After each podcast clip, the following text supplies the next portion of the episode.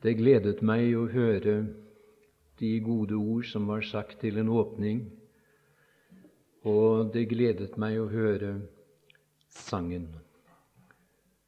Det er fint når man får den evangeliske sang, som jeg også nevnte en dag tidligere her, når man får den båret frem på en fin måte, på en måte som står i harmoni med selve budskapet.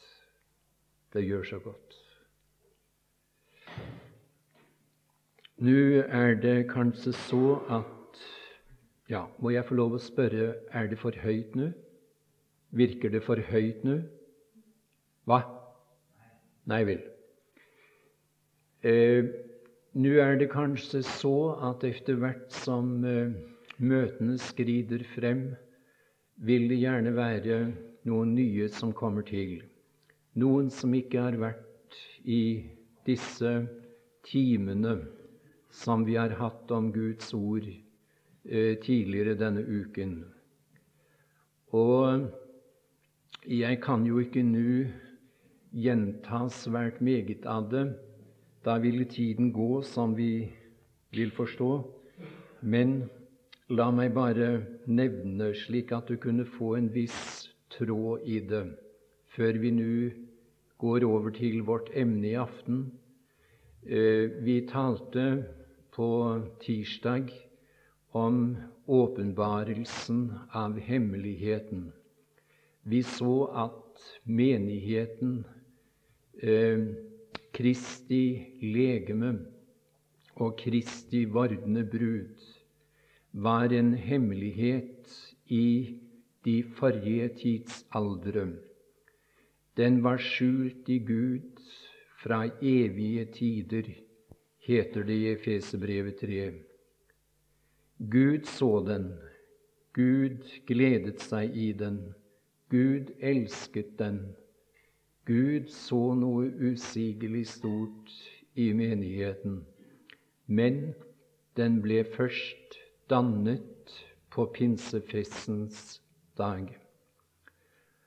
Og den andre aften stanset vi litt for at vi er forenet med Kristus. Menigheten er forenet med Guds sønn. Og det kan hende at jeg kommer til å berøre litt av det i aften også men eh, fra et litt annet synspunkt. Eh, I går var vi opptatt av hva menigheten er for Kristus, hva Kristus ser i menigheten, hva Kristus ser i deg som er en troende, hvordan han vurderer deg, hva du betyr for ham, hvor verdifull du er for din frelser, den Herre Jesus. Vi eh, bare berørte noen få ting. Vi burde hatt mer tid på dette. Men for å vinne over mest mulig, så har vi satt opp emnene på den måte som det nå er blitt gjort. Emnet for denne aften er som kjent eh, menighetens bortrykkelse, delvis eller total. Menighetens bortrykkelse delvis eller total. Og vi skal i Jesu navn lese fra 1. Korintiebrev, det 15. kapittel, fra vers 51 og 52. Se, jeg sier eder en hemmelighet. Og før jeg nå leser videre, så har jeg lyst til å nevne at det ville være godt om du allerede nå streket under det ordet hemmelighet. Se, jeg sier eder en hemmelighet. Vi skal ikke alle hensove, men vi skal alle forvandles i et nu, i et øyeblikk, ved den siste basun, for basunen skal lyde, og de døde skal oppstå uforgjengelige, og vi skal forvandles.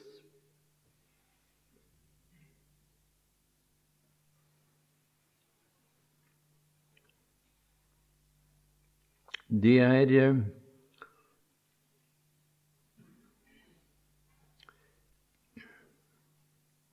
Det er et par uttrykk i, i det 51. vers som vi her leste sammen fra 1. Korintiebrev, det 15. kapittel, som jeg vil henlede din oppmerksomhet på. Vi eh, har sikkert hørt ofte eh, at alle mennesker skal dø. Det er en påstand som i hvert fall jeg har hørt gjentatte ganger. Og jeg har også sett det på trykk. Alle mennesker skal dø. Intet er så sikkert som at vi en dag skal dø. Eh, her står det imidlertid noe ganske annet. Her er det tale om noen mennesker som ikke skal dø. Og eh, du kan kanskje feste deg ved de to ordene, dette uttrykket, i vers 51. Ikke alle. Ikke alle. Så står det lenger ned, altså i slutten av vers 51 alle, ikke alle, skal hensove. Det vil si, ikke alle skal gå den veien, gjennom døden og graven. Det er noen, sier Bibelen, som ikke skal dø. Og så heter det videre, som jeg allerede har nevnt, vi skal alle, alle, alle skal forvandles i et nu, i et øyeblikk, ved den siste basun. Eh, det hevdes at i hvert fall innen visse kretser av troende Nå er det ikke for å kritisere, jeg håper det at du må være klar over det, men jeg vil gjerne bare peke på det, for jeg tror det er nødvendig. Og jeg ønsker å si det på en mild måte. Det er noen som hevder, og det er i grunnen en utbredt lære, i ikke bare vårt land, men også i våre naboland, eh, Sverige og Danmark. Eh, de lærer, de påstår, at det vil finne sted en partiell bortrykkelse når Herren kommer for å opprykke menigheten.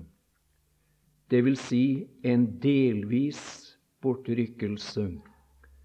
Bare de som er åndsstøpt, hevdes det, de som er tilstrekkelig åndsfylt, de som lever et særdeles hellig liv, vil få del i bortrykkelsen, mens den øvrige del av forsamlingen, av menigheten, må gå inn i den antikristelige store trengsel for å lutres eller prøves og bli beredt til en gang senere å møte Herren.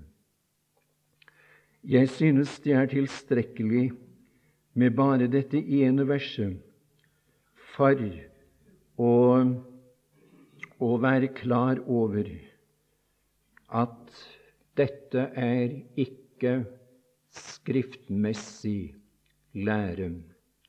Her står vi skal alle. Bare merk deg dette ordet alle. Jeg er så usigelig glad for, og jeg gledet meg over det i dag, at i dette alle er jeg innbefattet. Det gjelder meg. Jeg har mange ganger i mitt liv, må jeg få lov å være så personlig, tenkt med meg selv at andre troende vil nok bli med. Jeg har aldri næret tvil om at mine, mine nærmeste som lever med Herren, mine naboer eller mine predikende brødre, at de blir igjen, at, at, at, at de blir tatt med, unnskyld. Men jeg har mange ganger i mitt liv eh, vært plaget av den tanken blir jeg med, blir jeg med? Jeg kjenner meg selv så godt. Jeg vet litt om hvorledes jeg selv er. Og så kommer tvilen. Den sniker seg så fint frem. Vil han ta hensyn til meg, den Herre Jesus, når han kommer for å bortrykke sin menighet, slik at jeg får være med? Da er det godt det står, ikke sant? Vi skal alle Det kan ikke presiseres for sterkt. Vi skal alle. Og jeg ønsket at dette lille, men meget betydningsfulle ordet skulle følge oss som troende fra denne bibeltimen av når tvilen kommer, når den melder seg hos deg, så kan du bare gå til første Korintiebrev, det 15. kapittel, vers 51, og lese det igjen og igjen. Alle, alle skal forvandles i et nu, i et øyeblikk.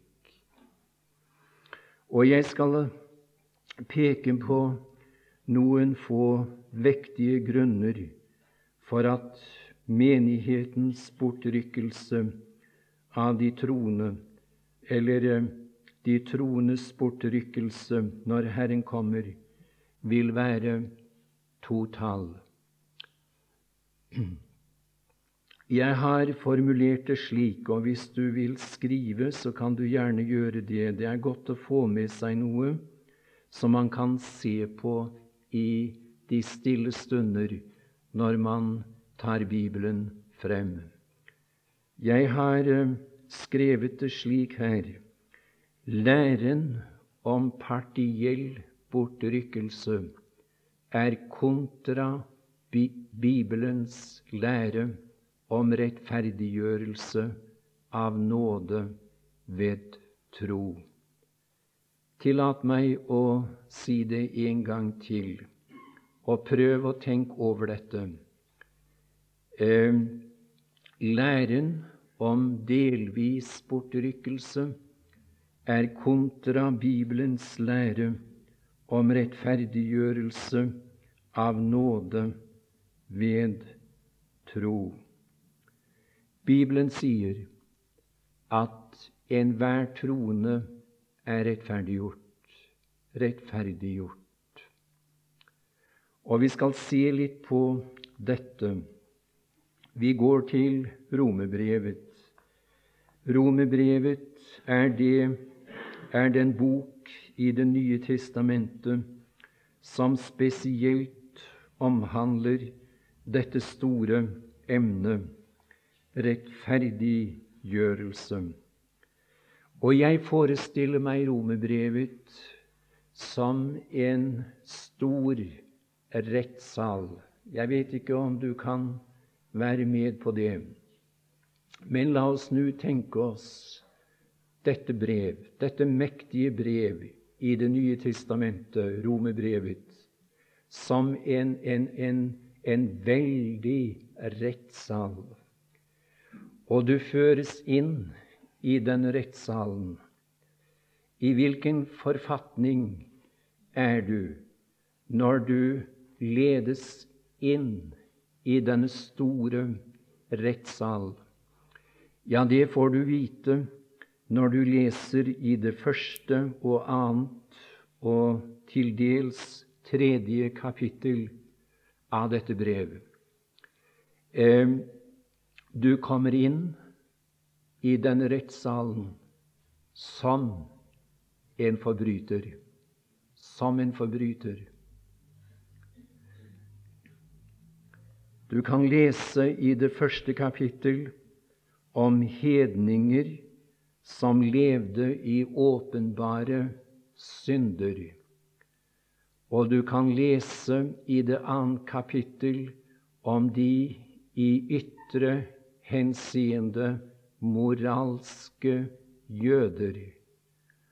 Og så, når disse to klasser er blitt prøvet der inne i rettssalen, så heter det i det siste del av 22, 22. vers i det tredje kapittel. Se nå litt på det. Vi skal ta bare med de siste ordene der, og så vers 23. Altså konklusjonen er denne, eller dommen er denne. For det er ingen forskjell. Jeg har mange ganger undret meg over at det kan stå noe sådant i Guds ord. Hør nå! For det er ingen forskjell. Er ikke det en noe drøy påstand, om jeg tør spørre? Ingen forskjell. Eh, vent litt. Så skal vi lese videre i det 23. vers. Alle har syndet like meget. Hva? Står det det? Alle har syndet like meget? Nei, det står ikke det. For det er ikke tilfellet, nemlig. Ikke alle har syndet like meget, like grovt. Nei da, her er det forskjell. Kan ikke være tvil om. Men det står her alle har syndet. Spørsmålet som reises her, er ikke hvor meget eller hvor lite et menneske har syndet, men det Paulus her fremsetter, det er dette skyldig eller ikke skyldig. Hør nå det. Er de skyldige, eller er de ikke skyldige? Det er det han tar opp til behandling. Og der er det ingen forskjell. Det er ingen forskjell alle har syndet. Alle er skyldige til dommen. Hvorfor det? Fordi alle har syndet. Jeg vet ikke om du får fatt på det, men jeg tror det er ganske klart sagt her. Alle, vi leser igjen, har syndet og fattes Guds ære. I den tilstand befinner du deg. I den forfatning er du når du står der inne i den store rettssalen. Du er skyldig. Skyldig til døden skyldig til å bli vist bort fra Guds åsyn, for Gud kan ikke tåle synd. Han er en hellig Gud. Men eh, det skjer noe der inne i rettssalen. Ja, Gud være takk. Det skjer noe der inne i denne store rettssal. Du kommer ikke ut av romerbrevet, nemlig i samme forfatning som du kommer inn i dette brev. Det er det som er det fine. Så skal vi lese videre, vers 24. Og de Ja, nå har jeg jo drevet og lest noe feil her, men jeg tror det kan være godt at vi gjør det for at vi kan bli mer eh, oppmerksom på hva som står i Guds ord. Og de eh, blir benådet. Nei da, ikke benådet. Og de får tilgivelse. Heller ikke det. Ja, men eh, er vi ikke blitt benådet? Jo visst er vi det. Har vi ikke fått tilgivelse? Jo, til fulle. Jeg har fått tilgivelse. Gud være takk. Alt er tilgitt og glemt, fjernet for all tid fra Guds åsyn av, av, av det jeg har gjort som jeg ikke burde ha gjort, og også alle mine forsømmelsessynder. Men, men, men her er noe mer. Det er noe mer å være Guds barn, mine tilhørere. Og jeg berørte visst også det en aften, enn blott og bart dette at vi eier syndenes forlatelse, hvor stort dette enn er. Man kan vel si at det er det første og det største for synderen som kommer til den Herre Jesus og lar seg frelse. Men det er noe mer. Her står og de blir rettferdiggjort. Rettferdiggjort! Og på hvilken måte skjedde det? Eller skjer det når en, når en synder står der foran dommeren og erkjenner det er riktig, jeg har syndet. Jeg fattes Guds ære. Jo, det skjer på den måten som 24, 25 og 26 sier her. De blir rettferdiggjort uforskyldt av Hans nåde ved forløsningen i Kristus Jesus, som Gud stilte til skue i Hans blod som en nådestol ved troen for å vise sin rettferdighet. Ja, hva som er umulig for mennesker, det er mulig for Gud. Hør nå, det kan ikke skje. Det er en komplett umulighet at et menneske som står inne i rettssalen for dommeren, og er påviselig eller beviselig skyldig, kan gå ut rettferdiggjort. Det lar seg ikke gjøre det, nemlig, i denne verden. Nei da, det, det er uhørt. Absolutt. Han kan få tilgivelse. Han kan, de kan søke til kongen for ham, som det heter, og, og, og få utvirket benådning. Men han har skampletten på seg og får den hele sitt liv. Tilgivelse, benådning, kan man oppnå om man har forbrutt seg. Men her skjer det at den skyldige, han går ut. Kan du se det? Han går ut rett rettferdiggjort. Rettferdiggjort. Hva betyr det? Det er et juridisk uttrykk som kjent, og jeg skal si det kort. Det betyr frikjent, skyldfri, ustraffelig. Han er fri. Skyldfri. Ustraffelig.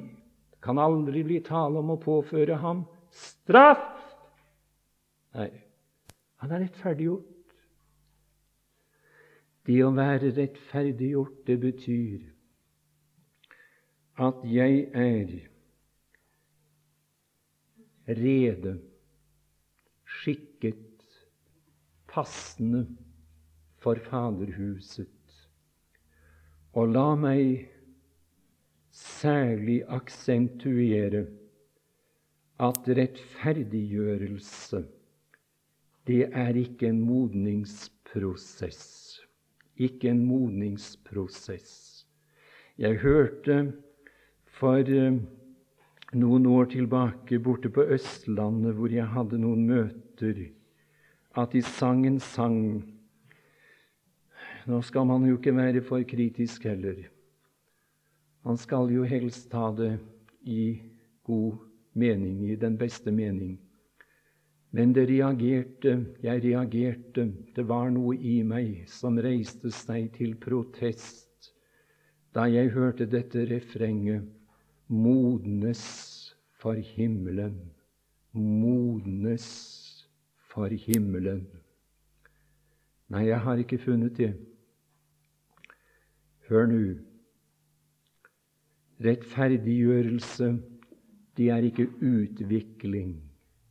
Rettferdiggjørelse er noe som skjer i et nu, i et øyeblikk. I og med at han, forbryteren, i dette tilfellet synderen, som står der inne for dommerens åsyn, av dommeren blir erklært å være rettferdiggjort, så er han passe for himmelen. Det var en som sa det så fint, jeg glemmer det aldri. Født ferdig for Faderhuset. Ja, den dagen jeg ble født som 14 års gutt, da ble jeg født ferdig for Faderhuset. Jeg var barn da, og jeg var rettferdiggjort da. Jeg var skikket da. Jeg finner ikke noen bedre definisjon på rettferdiggjørelse enn det vi leser i Kolossensebrevet. Kanskje du kunne se på det også. Altså Kolossensebrevet, det første kapittel og det tolvte vers. Der står Så i med glede ja, det burde være med glede vi takker Faderen. Hvorfor det? Jo, fordi Han ikke gjør oss skikket. Nei, hør nå. Han gjorde oss skikket. Gjorde oss skikket til å få del i de helliges arvelodd i lyset. Han gjorde meg skikket. Så kan han komme hva tid han vil. Den Herre Jesus, min dyrebare frelser. Så kan han stige ned til lufthimmelen. Og jeg vet ikke når det skjer, men jeg lever i forventningen av Hans komme. Og det går ikke en dag, tro meg, det går ikke en dag uten at mine tanker er opptatt mer eller mindre med den sannhet han kommer. Og så vet jeg at når han kommer, så finner han meg rede. Skikket, passende for Faderhuset. Skal vi gjøre et tankeeksperiment? La oss si at vi har vært i, i i himmelen i tusen år, for å ta et tall. Det blir ikke år der. Det blir ikke timer. Det blir ikke dager, uker, måneder. Det blir et evig nu der. Men eh, vi må si det på menneskelig vis her. Så taler vi sammen der. Vi har vært der i tusen år. Og du kan være ganske viss på at vi skal kunne tale med hverandre. Det er eh, så mange spørsmål jeg får. Og nå forleden så var det en som spurte skal vi kjenne hverandre i himmelen. Ja, jeg, jeg er 100 sikker på at vi skal ikke være i noen dårligere forfatning der enn vi er i her. Vi skal naturligvis kjenne hverandre i himmelen. Og vi skal kunne meddele oss til hverandre der på langt bedre vis enn vi kan her. Og så kommer vi inn på dette med rettferdiggjørelse. Jeg tror vi skal tale om de tingene.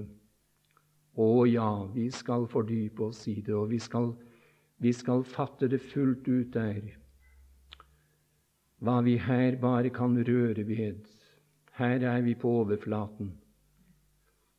Men å, det skal bli, det skal bli forunderlig når vi møtes der og taler om rettferdiggjørelse. Våre tanker skal gå til Golgata. Det er grunnen til at jeg ble rettferdiggjort, nemlig. Golgata. Han døde for meg. Det er det fornemste. Golgata vil likesom være flyttet like inn i himmelen.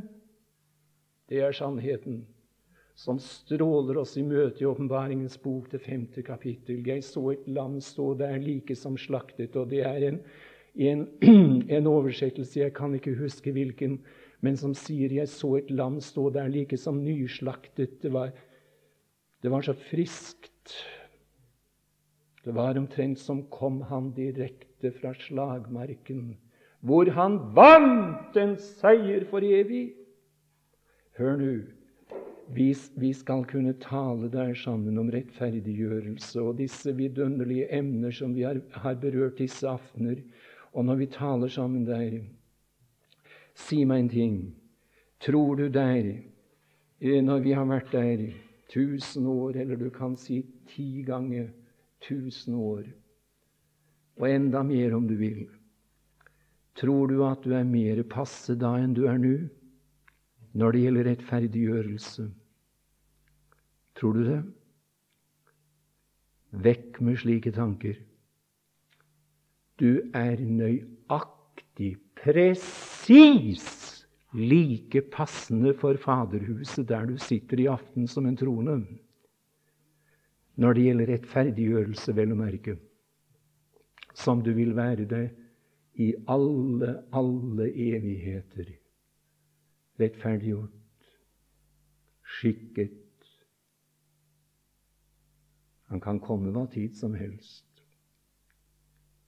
Han kan komme i den aften. Og jeg garanterer deg, om det skulle skje, salen her ville bli tom. For troende mennesker, Veavågen ville renskes for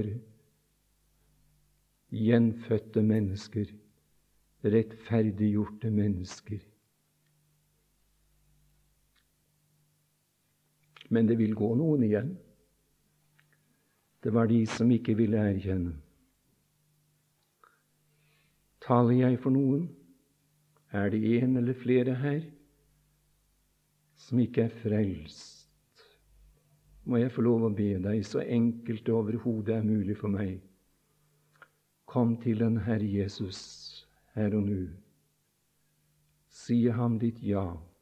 Gå med på at han frelser deg uforskyldt av nåde. Kan skje mens du sitter på benken her nå.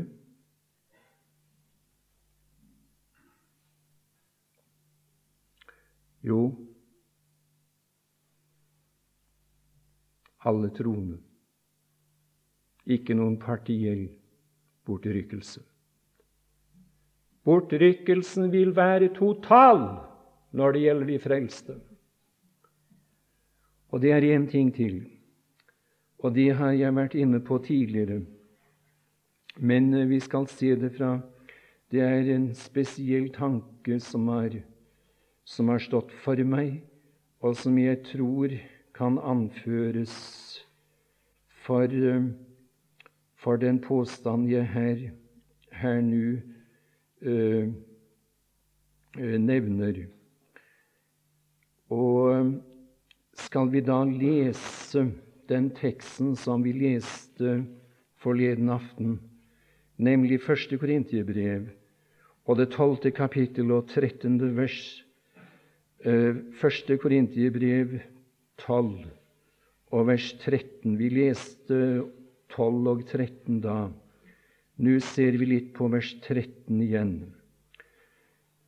For vi er jo alle døpt, og jeg sa det, at jeg har satt en ramme omkring det ordet 'alle'. Alle. Alle. Det er noen slike 'alle' i Skriften som det er godt å ramme inn. Og du hørte det jo nå fra 1. Korinterbrev 15, hvorfra vi leste som tekst i dag. Nå er det 1. Korinterbrev 12 og vers 13, for vi er jo alle døpt så får de protestere så mye de vil. Jeg tror, jeg tror hva som står skrevet, fordi det er innblest av Gud.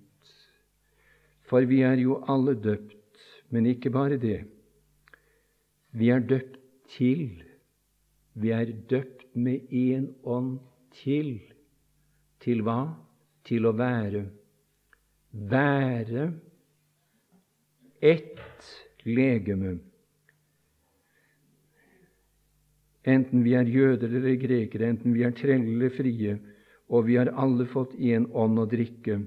Vi er alle døpt med én ånd til å være ett legeme. Eh, ingen troende er uvitende om at den Herre Jesus hadde et legeme Eh, som han fikk ved inkarnasjonen. Eh, det, det legeme han hadde mens han vandret her, før sin død og oppstandelse, sier Hebrevbrevet 2,14 om. Det besto av blod og kjød. Han fikk del i blod og kjød. Og i, i Lukas evangeliums 24. kapittel, og der i det 39. vers, der sier han til sine disipler på salen i Jerusalem på oppstandelsesdagen Ta på meg, sier han, føl på meg. Eh, dere tviler visstnok, men eh, det er ingen grunn til å tvile. Dere kan bare berøre meg. Det er et stofflig legeme jeg har, sier han. Det består ikke av blod og kjød, men det består av kjøtt og ben. Kjøtt og ben! Hvor er blodet blitt av? Det rant på Golgata kors. Og, og, og doktor Dihan, medisineren, denne dyktige legen, som ga opp sin legepraksis og begynte å forkynne Guds ord, og ofret seg for det hele sitt liv. Mm, han, han sier Jeg syns det er meget interessant å høre hva doktor Dihan sier om dette. Han sier at 'jeg tror faktisk at blodet, Kristi blod, i bokstavelig forstand altså, ikke ble oppslukt av jorden. Jeg tror det var for hellig til det. Jeg tror det ble brakt inn i selve himmelen, akkurat som det ble båret inn i det aller helligste i Det gamle testamentet altså forsoningsblodet, offerdyrets blod. Jeg tror det er der, jeg, sa han, sier han. Og jeg tror vi skal se det blod, sier han, når vi en gang er hjemme. Men det legeme han hadde efter sin oppstandelse, det var stofflig, og det bestod av kjød og ben. Og det er et sådant legeme vi skal få. Det skal ikke jeg tale om i aften. Men jeg har lyst til å nevne at Kristus har et mystisk legeme i verden i dag. Det ble dannet på pinsefestens dag, har vi hørt disse aftener. Og det skjedde ved at han døpte de troende med én ånd til å være ett legeme. Og vi har gledet oss over i disse bibeltimer at uh, vi er lemmer på dette legemet. Og uh, vi har understreket at hvert lem er med og danner enheten, eller utfyller enheten. Hvis det mangler et lem, så blir det noe galt med funksjonen i legemet. Og det vil ikke være et fullkomment legeme hvis, eh, hvis et lem blir amputert. Jeg vet ikke om det er noen av dere som har sittet og tenkt noenlunde slik når du har hørt disse ting nå fremlagt fra Bibelen, denne uken. Det er meget mulig at du føler deg som en sløv troende. Det er lenge siden du var på kne. Det er lenge siden du åpnet din bibel. Det er lenge siden at du kjente noe av livligheten og vederkvegelsen ved å være i Herrens nærhet. Jeg vet ikke. Men måtte du være en av dem, så skulle det ikke undre meg om du har resonnert omtrent slik. Ja, dette er vel og bra. Det er nok som du sier, men eh, jeg er en så dårlig troende. Det står ikke godt til med meg, sier du. Og jeg kan liksom ikke få til å tro at dette gjelder meg. Da har jeg lyst til å gi deg ett enkelt vers. Og om du glemmer alt jeg sier i disse bibeltimer, vil du gjøre deg umak for å huske dette ene verset. Det er i første Korinterbrev, eh, det tolvte kapittel igjen, og så det 22. vers. Der heter det men tvert imot de lemmer på legemet som synes å være de skrøpeligste. Det er noen lemmer som ikke, som ikke synes å være annet enn skrøpelige. Og nå gjelder det de skrøpeligste. Nå gjelder det den skrøpeligste trone i Viavågen. Ja. Du sier det må visst være meg, det. Det er meget mulig at du sier det. Skal du høre. Et, et, slikt lem er vel ikke Kristus interessert i. Et slikt, et slikt lem kan han vel like godt amputere, gjøre seg ferdig med. Jo før, jo heller. Det er ikke noe å samle på. Det er ikke av interesse for meg. Nei, nei. Han resonnerer ikke slik, han, som kjøpte deg, som vant deg, som frelste deg, som rettferdiggjorde deg. Nei da, skal du høre. De lemmer på legemet som synes å være de skrøpeligste, de er nødvendige. De er nødvendige. De er nødvendige for ham.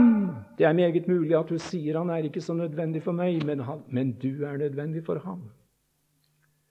Det skal undre meg om du slår opp din bibel eller ditt testamente når du kommer hjem i aften og leser 1. Korinterbrevs 12. kapittel og 22, og bøyer gjerne dine kne foran din bibel. Det skal undre meg om du ikke vil, eh, om du ikke vil, eh, vil få et varmt hjerte for Kristus fra det øyeblikket av. Likegyldig hvordan du, uansett hvordan du har følt det og kjent det og vært i den senere tid Ja, nå taler jeg til deg som er født på ny, som er frelst som har opplevet, kjent og smakt Guds godhet til frelse. Det er det samme hvordan du har det. Du er nødvendig for ham. Nødvendig for ham. Det vil være noe som mangler, og noe vesentlig som mangler den dagen han skal vise bruden frem. Hvis det mangler et eneste lem på dette legemet. Vi skal tale om bruden på søndag. Men vil du ta med deg de tankene her? Ja, vår himmelske Fader, vi har vært opptatt med noe som er usigelig stort. Langt, langt større enn noen av oss som er her i aften, fatter. Men eh, det vi har fått se, det har beveget våre hjerter, og det har eh, brakt oss nærmere deg i vårt praktiske liv. Og jeg ber deg, Herre, at det som vi her nå har fordypet oss i, ved Din Hellige Ånd må bli festet i vårt sinn, i våre hjerter, i vårt erkjennelsesliv i den grad at vi mere kan avspeile deg hvor vi ferdes, i alt hva vi foretar oss, i alt hva vi gjør, i alt hva vi sier, måten vi sier det på, osv., om de kan se deg igjennom oss. Amen.